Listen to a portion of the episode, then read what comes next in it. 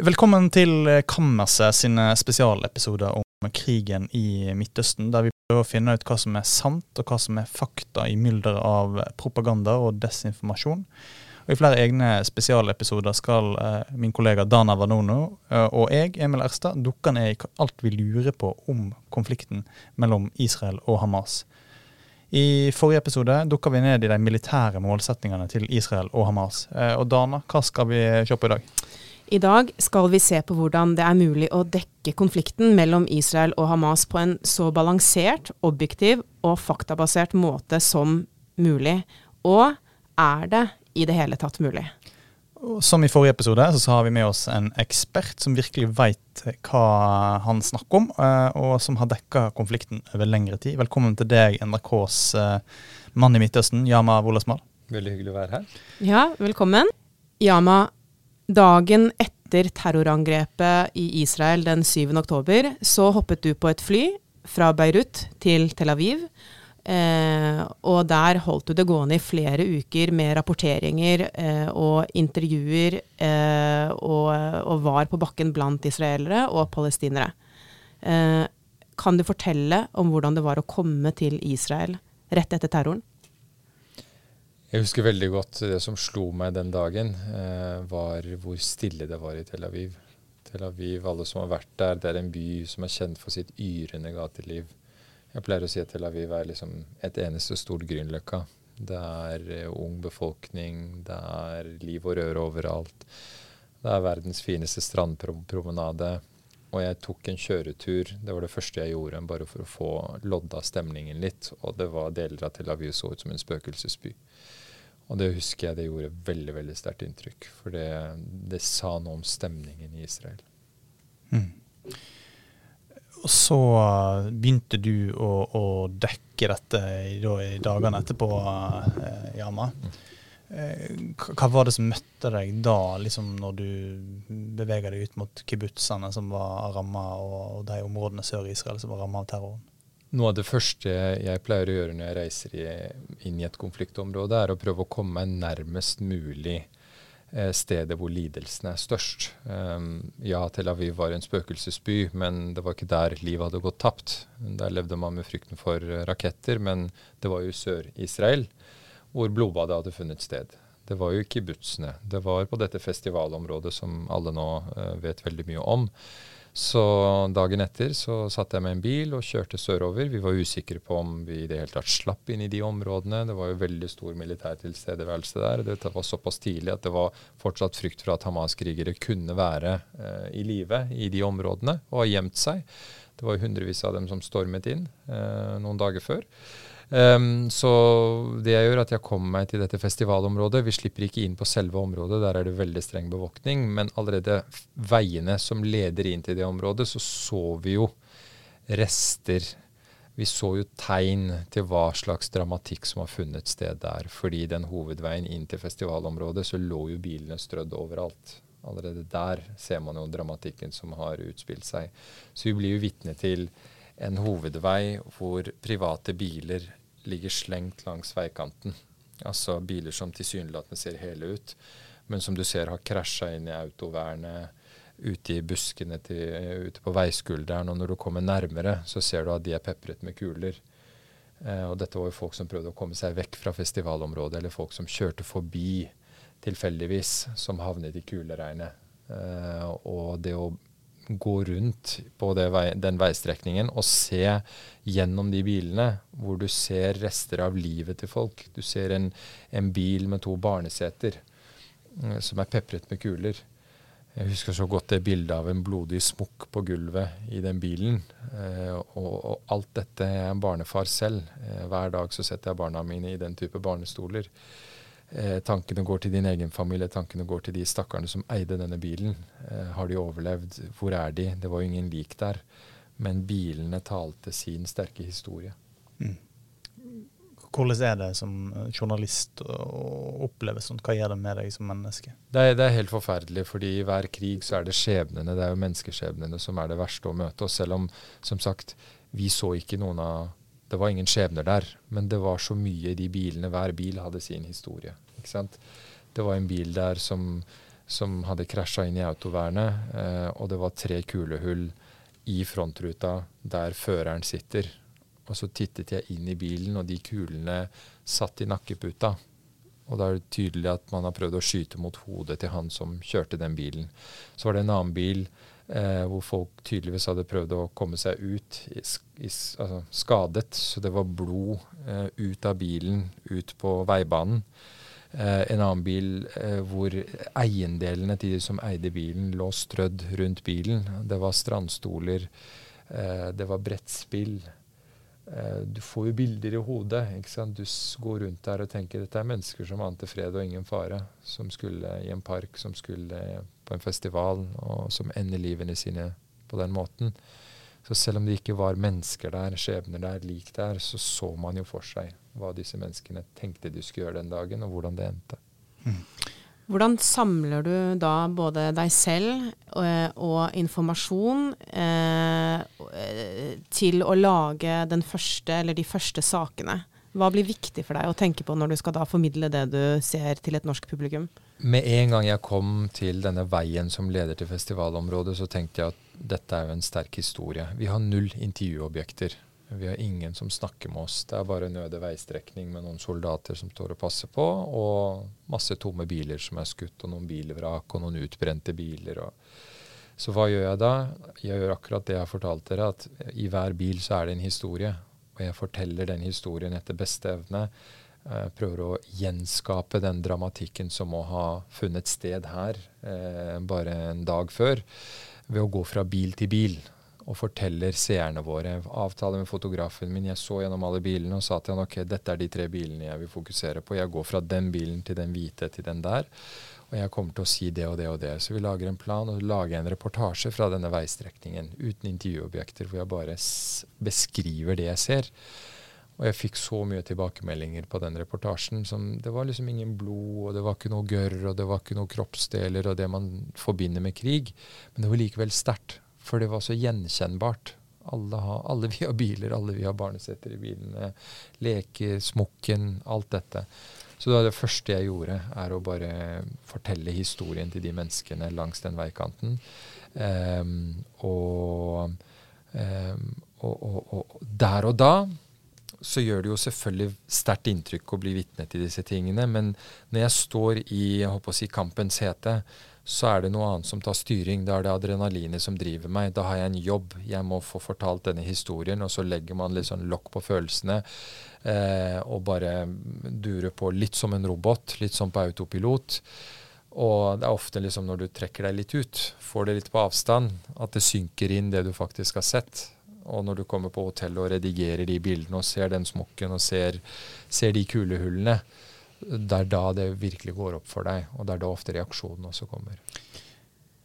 Ja, altså, eh, noe av det, jeg, jeg, var faktisk i Tel Aviv og så på deg i denne reportasjen her, eh, Yama, og, og din dekning da du hadde kommet ned dit. Og, og um, noe av det som gjorde sterkest inntrykk på meg denne spøkelsesdagen i mm. Tel Aviv dagen etterpå, det var at det sto ikke en statsminister og sa mer fred, eller mer demokrati og mer åpenhet, uh, som det jo har gjort når vi nordmenn har opplevd terror. Mm. Men det var mer vold, det var mer lidelse i vente. Det, det var kanskje noe av det liksom mest utholdelige med dette. Hvordan var det å dekke det når det begynte å komme disse sivile tapstallene inne på Gazastripa?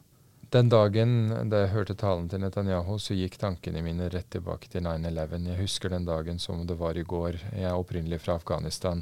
Og da de flyene fløy inn i tvillingtårnene i New York, eh, så kom det en sånn bølge av frykt over meg. Jeg var ikke mange årene da, men jeg eh, ble livredd for konsekvensene av hva USA kommer til å finne på nå. Hvem kommer USA til å gå løs på, husker jeg tenkte. Og vi ringte kompisene mine, mine muslimske venner. var sånn, Er det palestinerne som skal få gjennomgå? Er det afghanerne? Er det pakistanerne? Hvem er det de kommer til å gå løs på? For noen kommer de til å gå løs på, på en måte som de aldri har gjort før. Den følelsen fikk jeg da Netanyahu holdt den talen. Også før talen, for jeg tenkte dette går jo ikke ubesvart. Dette kommer til å gjengjeldes på en måte som vi aldri har sett før. Eh, og det gjorde at det, det, det, det knøt seg i magen i frykt for den reaksjonen. Fordi når du kommer fra et krigsherjet land, så vet du hva krig fører til. Du vet at det sjelden er løsning på problemene. Samtidig som du står i eh, et skadeskutt land som aldri har opplevd noe sånt. Et land med den spesielle historien som Israel har, med forfølgelsen og holocaust og alt dette som et alvorlig bakteppe, så har du på en måte litt sånn forståelse for hevntanken, samtidig som du som outsider også ser hva det fører til, og det ser ikke de som er i blodtåka. Uh, så det var litt sånn dualitet der, da, ikke sant? hvor jeg på en måte skjønte litt at her vil man gå for hevn, samtidig som jeg tenkte gud, den hevnen kommer jo ikke kanskje til å gi dere mer fred. Snarere tvert imot. Og det er det jeg satt med de dagene der hvor jeg tenkte hva skjer nå?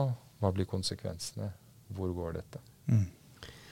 Og så begynner jo etter hvert da eh, bombingen mm. av Gaza. Det gikk jo litt uh, tid uh, før liksom den, uh, den, store responsen kom.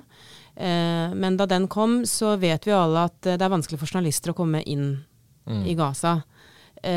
så den nære reportasjen som du laget fra den veien der hvor terrorofrene hadde vært, den får du jo ikke laget fra Gaza. Mm hvordan jobber du da for å skildre de lidelsene eh, og de skjebnene der inne, når du ikke er der inne selv? Det er noe av det mest frustrerende med denne krigen. Eh, vi prøver som sagt, som jeg sa til deg, når jeg kommer til Israel, så vil jeg rett i fronten. Jeg vil til stedet hvor folk ble rammet av terroren.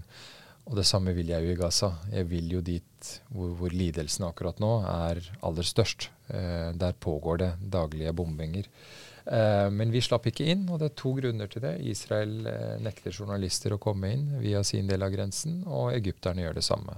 Eh, og da sitter vi der, sjakkmatt.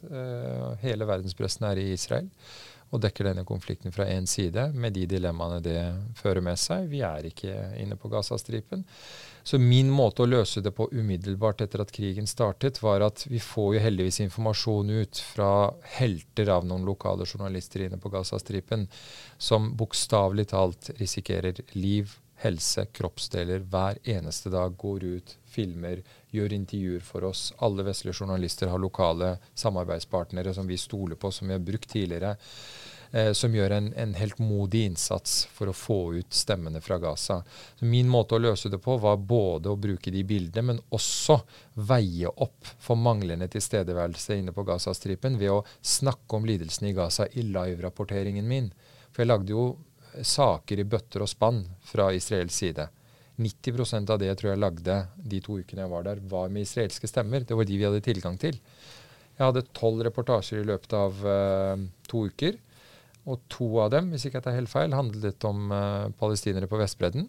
Og ti av dem handlet om israelske skjebner. Folk som hadde mistet familiemedlemmer, folk som hadde fått familiemedlemmer kidnappet. I det hele tatt. Mm. Så jeg jo veiet opp for den ubalansen ved å vie tid til lidelsen i Gaza i live-rapporteringen min. Så reportasje fra Israel, og så snakket jeg om det som skjer i Gaza i live-rapporteringen min. Det er jo ikke ideelt. Mm. Jeg vil jo veldig gjerne komme skjebnene nær. Hvordan er det, er det mulig å hvordan jobb, Nå har du fortalt litt om det, men hva tenker du sjøl om å skape balanse i en sånn situasjon som en eh, terrorangrep og så en påfølgende krig med så store sivile lidelser?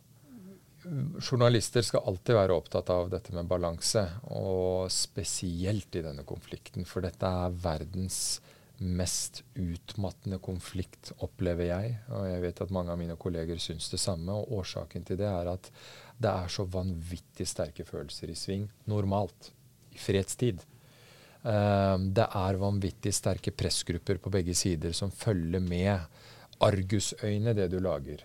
Altså Jeg opplever virkelig at uh, begge parter, både palestinere og israelere og deres respektive støttespillere her hjemme i Norge, følger med på ordvalget mitt, uh, hvordan jeg beskriver ting, hvor mye tid jeg vier til uh, de ulike partene. Ansiktsuttrykket mitt, kroppsspråket mitt, blikket mitt. Alt blir veid på en gullvekt og analysert og ofte tolket i verst tenkelig retning. Og Det opplevde jeg av et konkret eksempel. Jeg møtte en palestinsk barnefar eh, på Vestbredden som eh, hadde fått 17-åringen sin skutt og drept dagen før fordi han kastet stein mot eh, israelske soldater. Og han var jo helt traumatisert. ikke sant? Bilder av sønnen overalt under minnestunden. Og han var preget, og han snakket med oss og brytes sammen foran kamera. Og sier at uh, Qais var navnet på sønnen. Han sier Qais hadde, Jeg ba ham beskrive Qais. Og så sa han at Reis hadde så vakkert smil. Han smilte alltid til alle. Og så knytter han neven foran ansiktet og bryter sammen. Og så sier han men de tok smilet hans. Og han bryter sammen foran meg for, for åpent kamera. Og min naturlige menneskelige reaksjon er å legge en hånd på skulderen hans. Og rett etter at den reportasjen gikk i Dagsrevyen den kvelden, så får jeg en mail fra en som sier der avslørte du deg. Nå viser du hvilken side du står på. Den hånda la du ikke på ofrene, på israelske ofre for terroren. Og tilsvarende når jeg møter israelske skjebner og lager reportasjer om, en, om israelske Netta som har fått 80 år gamle moren sin kidnappet av Hamas, aner ikke om hun lever eller ikke, og sender den reportasjen, så får jeg sinte mailer fra andre delen, andre parten, som sier at ja, ja, en gammel dame som har blitt kidnappa, og, og Israel driver og bomber barn i filler. Hvem har det verst her? Hvem bruker du tid på? Så det er den derre kryssilden vi står i. Og det er, ikke sant? Å prøve å lage balanse da, det er lettere sagt enn gjort også. Altså Som journalister som eh, ikke har vært korrespondenter i Midtøsten, du har jo på en måte vært egentlig litt du da, Emil, da du plutselig havnet i, i Tel Aviv akkurat da terrorangrepet skjedde. Men vi kjenner det jo igjen, vi også. ikke sant? Hver eneste kommentar man skriver, så får man jo, eh, får man jo tilbakemeldinger som enten hyller deg eller hater deg. Mm. Eh, det må sies, det. Jeg må bare legge til at det er veldig mye positivt. Majoriteten av det jeg får, er positive tilbakemeldinger. Det er konstruktive tilbakemeldinger. Jeg vil si 90% er konstruktivt. Mm. Men de 10% er ofte så krasse mm. tilbakemeldinger at det preger deg. Ja, det, det, er det, ja, det er det jeg lurer litt på. Det der med eh, i hvor, hvilken grad preger det deg? Altså kommer det til et punkt hvor man begynner å legge bånd på seg selv fordi eh, man er redd for å trå feil? Absolutt. Det er jo tanker som surrer i hodet hele tiden. Selv om den mailen med den palestinske barnefaren eh, for, ja, Umiddelbart så bare luket jeg det ut. Men senere på kvelden så leste jeg den igjen. Og så går det noen tanker i hodet ditt. Jeg har vært journalist eh, ganske lenge nå og vært i, i gamet en stund. Og jeg lar meg liksom ikke vippe av pinnen. Og det gjorde jeg ikke denne gangen heller, men det får deg til å reflektere litt. Jeg begynte å tenke hm, neste gang jeg møter en, eller annen skjebne på palestinsk side Og da er det mye følelser. Folk mister sine familiemedlemmer. Det er ikke utenkelig at noen bryter sammen foran kamera. Hva gjør jeg neste gang? Kan jeg trøste noen, eller, å, eller skal jeg la være? Eh, hva sier min magefølelse? Min magefølelse som menneske sier at når noen én deler det innerste de har med deg som journalist, og i tillegg bryter sammen og er i en vanskelig situasjon, så er, da tar jeg meg journalisthatten og trøster vedkommende. Det er min mage. Det er gut-feelingen min.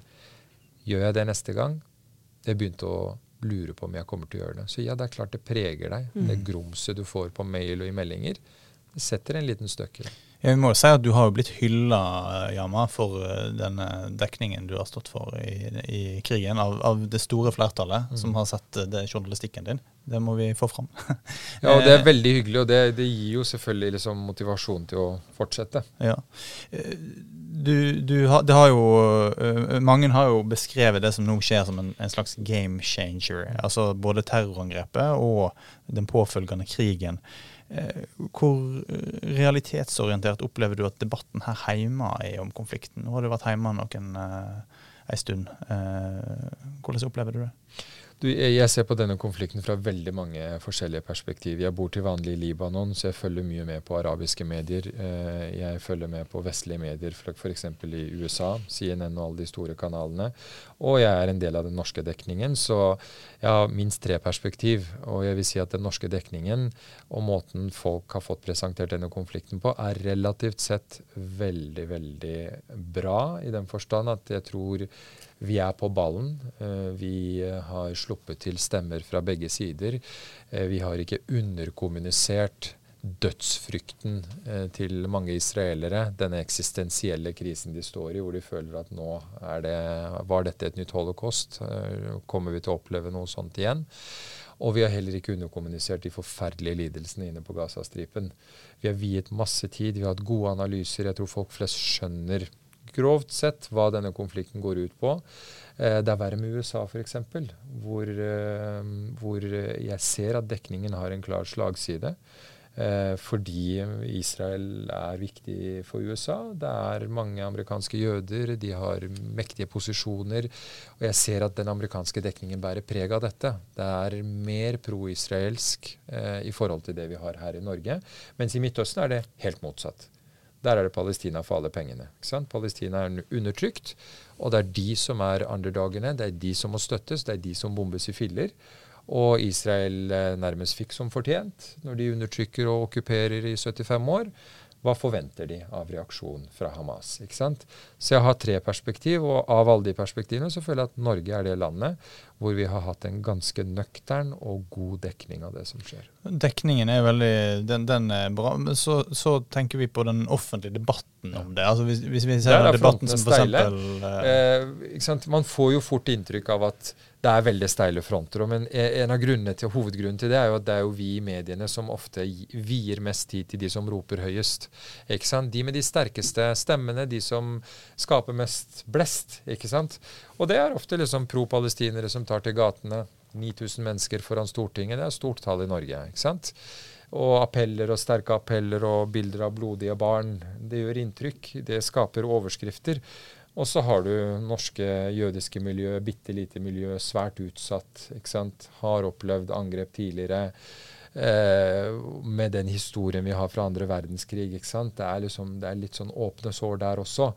Og de sender ut en pressemelding om at nå føler vi oss utsatt, vi er utrygge. Jeg snakker med norske jøder som sier at jeg tør ikke å si det jeg mener, i frykt for å bli angrepet fysisk. Eh, så når du snakker med begge parter, så er du liksom sterke følelser i sving, men jeg, jeg er også overbevist om at den stille majoriteten har en ganske sunn tilnærming til dette, hvor de ser ting litt fra begge sider. Men den stille majoriteten kommer kanskje ikke like godt til uttrykk verken i Norge eller i Israel, for den saks skyld, hvor vi var. Der opplevde jeg ofte også at det var de som ropte høyt om hevn, som slapp til de si, sindige stemmene fra oss utlendinger, da, de som sa at er krig løsningen? Kommer krig til å løse dette? Nok en krig? De slapp ikke til på samme måte. Mm. Den debatten som har pågått nå mellom Hanne Skartveit og Magdi fra Karpe, um, der, der, det var ganske steile fronter. Hva tenker du om en sånn debatt uh, der, der det er Nei, jeg, jeg, kjenner meg litt igjen i, eh, i hvert fall en av kronikkene til uh, Magdi, hvor han uh, snakker om dette vi-et, ikke sant, som man føler er litt sånn i oppløsning. Det var aldri et vi. Jeg har min bakgrunn fra Afghanistan. Jeg er muslim, og jeg er norsk, så jeg har mange hatter. Jeg følte at noe av det han skrev, traff meg også. ikke sant, For vi vi liker jo å tro, og jeg har heldigvis aldri opplevd rasisme utenforskap i Norge. Jeg har hatt det veldig veldig fint gjennom oppveksten i trygge Norge. Jeg hyller den, den, ja, den, den, muligheten jeg har fått i Norge. Jeg føler meg heldig. Men jeg kjenner det igjen fordi man, man føler jo på den dobbeltmoralen. da. Ikke sant? Alle mine venner Jeg var sammen med barndomsvennene mine i går, og det er det eneste vi snakket om. Forskjellsbehandlingen. ikke sant? Eh, og da sikter man til eh, Ja, hva skjedde da Ukraina ble angrepet? Ikke sant? Det er dette som går igjen i alle disse minoritetsmiljøene nå. Da sto vi last og brast sammen med ukrainerne. Eh, det var klar ordvalg fra regjeringen. Dette var krigsforbrytelser, dette var terrorbombing som jeg også nevnte for eh, statsministeren i det intervjuet jeg gjorde. Eh, og ikke minst, vi støttet ukrainerne som de undertrykte med våpen, med penger. Vi tok imot flyktningene deres. Hva skjer nå i Midtøsten? Ikke sant? Og den følelsen av, eh, av at vi ikke er et vi lenger, eh, den har nok satt seg litt i minoritetsmiljøene. Det er nok mange som kjenner på det, som tenkte at hm, jeg er en del av dette landet. Kanskje ikke. Men mener du at uh, den oppløsningen av det vi-et uh, har vært en følelse som har kommet med denne krigen? Nei, den har alltid vært der. Ja. Den har alltid vært der. Det kommer stadig påminnelser. Mm. ikke sant? Mm. Sånn er livet. ikke sant? Mm. Det er jo ikke sånn, Men denne krigen har forsterket det, og for mange har denne krigen sementert det. Ikke sant? Mm. Det er ikke noe utløsende årsak, denne krigen. Altså Vi hadde 9-11, vi har hatt Irak-invasjonen, vi har Afghanistan-invasjonen, Libya-bombingen. Sett fra et muslimsk perspektiv er det nok av eksempler å vise til hvor vestlige land har gjort akkurat som de ønsker eh, for sine egne interesser eh, og drept hundretusener av mennesker. Så den følelsen av at man ikke er en del av dette, at man er utsatt, den er der. Mm. Men den har for alvor blitt rippet opp i av denne konflikten. Altså som, som truende menneske, da, og ikke Mm. bare som journalist, Mm. men, men du er en truende mann. Eh, eh, hvordan preger det deg å se den ondskapen som du har sett eh, de siste ukene i Midtøsten? Vet du, hva, Jeg finner veldig stor trøst eh, i det å be. Eh, for meg er det to ting som på en måte Det er tre ting som har vært redningen for meg i, for unnskyld uttrykket, alt faenskapet som pågår nå. Eh, blodbadet på begge sider, menneskelige lidelser som vi har vært vitne til. Det er tre ting som har hjulpet meg gjennom hele denne prosessen. Det er at jeg har fortsatt å jobbe. Jobben min er min måte å bearbeide dette på. Det å gjøre noe meningsfullt, noe konstruktivt, og, og fortelle om dette til det norske folk. Det er min måte å bearbeide det på. Så er det bønn, min kontakt med Gud, som gjør at jeg får den roen i hverdagen. Og det siste, og kanskje beste, er at tiden jeg har med mine to døtre på tre og fire. Eh, Jeg har aldri gitt dem så lange klemmer. Jeg har aldri gledet meg så mye til å legge meg i samme seng som dem. Eh, normalt er det sånn at kona er sånn Nei, din tur i dag. Nei, det er din tur. De bruker litt tid på å legge seg. Det er mye hopping og spretting. Det er ikke alltid vi orker det. Men nå er det sånn Nei, jeg vil gjerne legge dem. Eh, det å bare kjenne kroppen deres, pusten deres, holde rundt dem og bare, eh, bare tenke at jeg er så ufattelig heldig som har barna mine. Det er det mange som ikke har. Så sånn har jeg kommet meg gjennom uh, denne krigen. Jeg tror uh, vi skal avslutte med de uh, ordene, ja, Yama. Det var veldig sterkt Mm. å høre deg si det. Og så må vi jo takke for den fantastiske og viktige innsatsen du gjør. Eh, og og for at du videreformidler historiene til oss som sitter trygt her hjemme. Du får lykke til når du skal nå ned, eh, ned igjen. Ja, tusen takk. Jeg drar eh, om en ukes tid tilbake til Tel Aviv eh, og fortsetter dekningen der. Mm. Eh, takk for at dere lytter. Har dere ris, ros eller innspill, send oss en e-post på kammersetalfakrøllvl.no. Takk for i dag.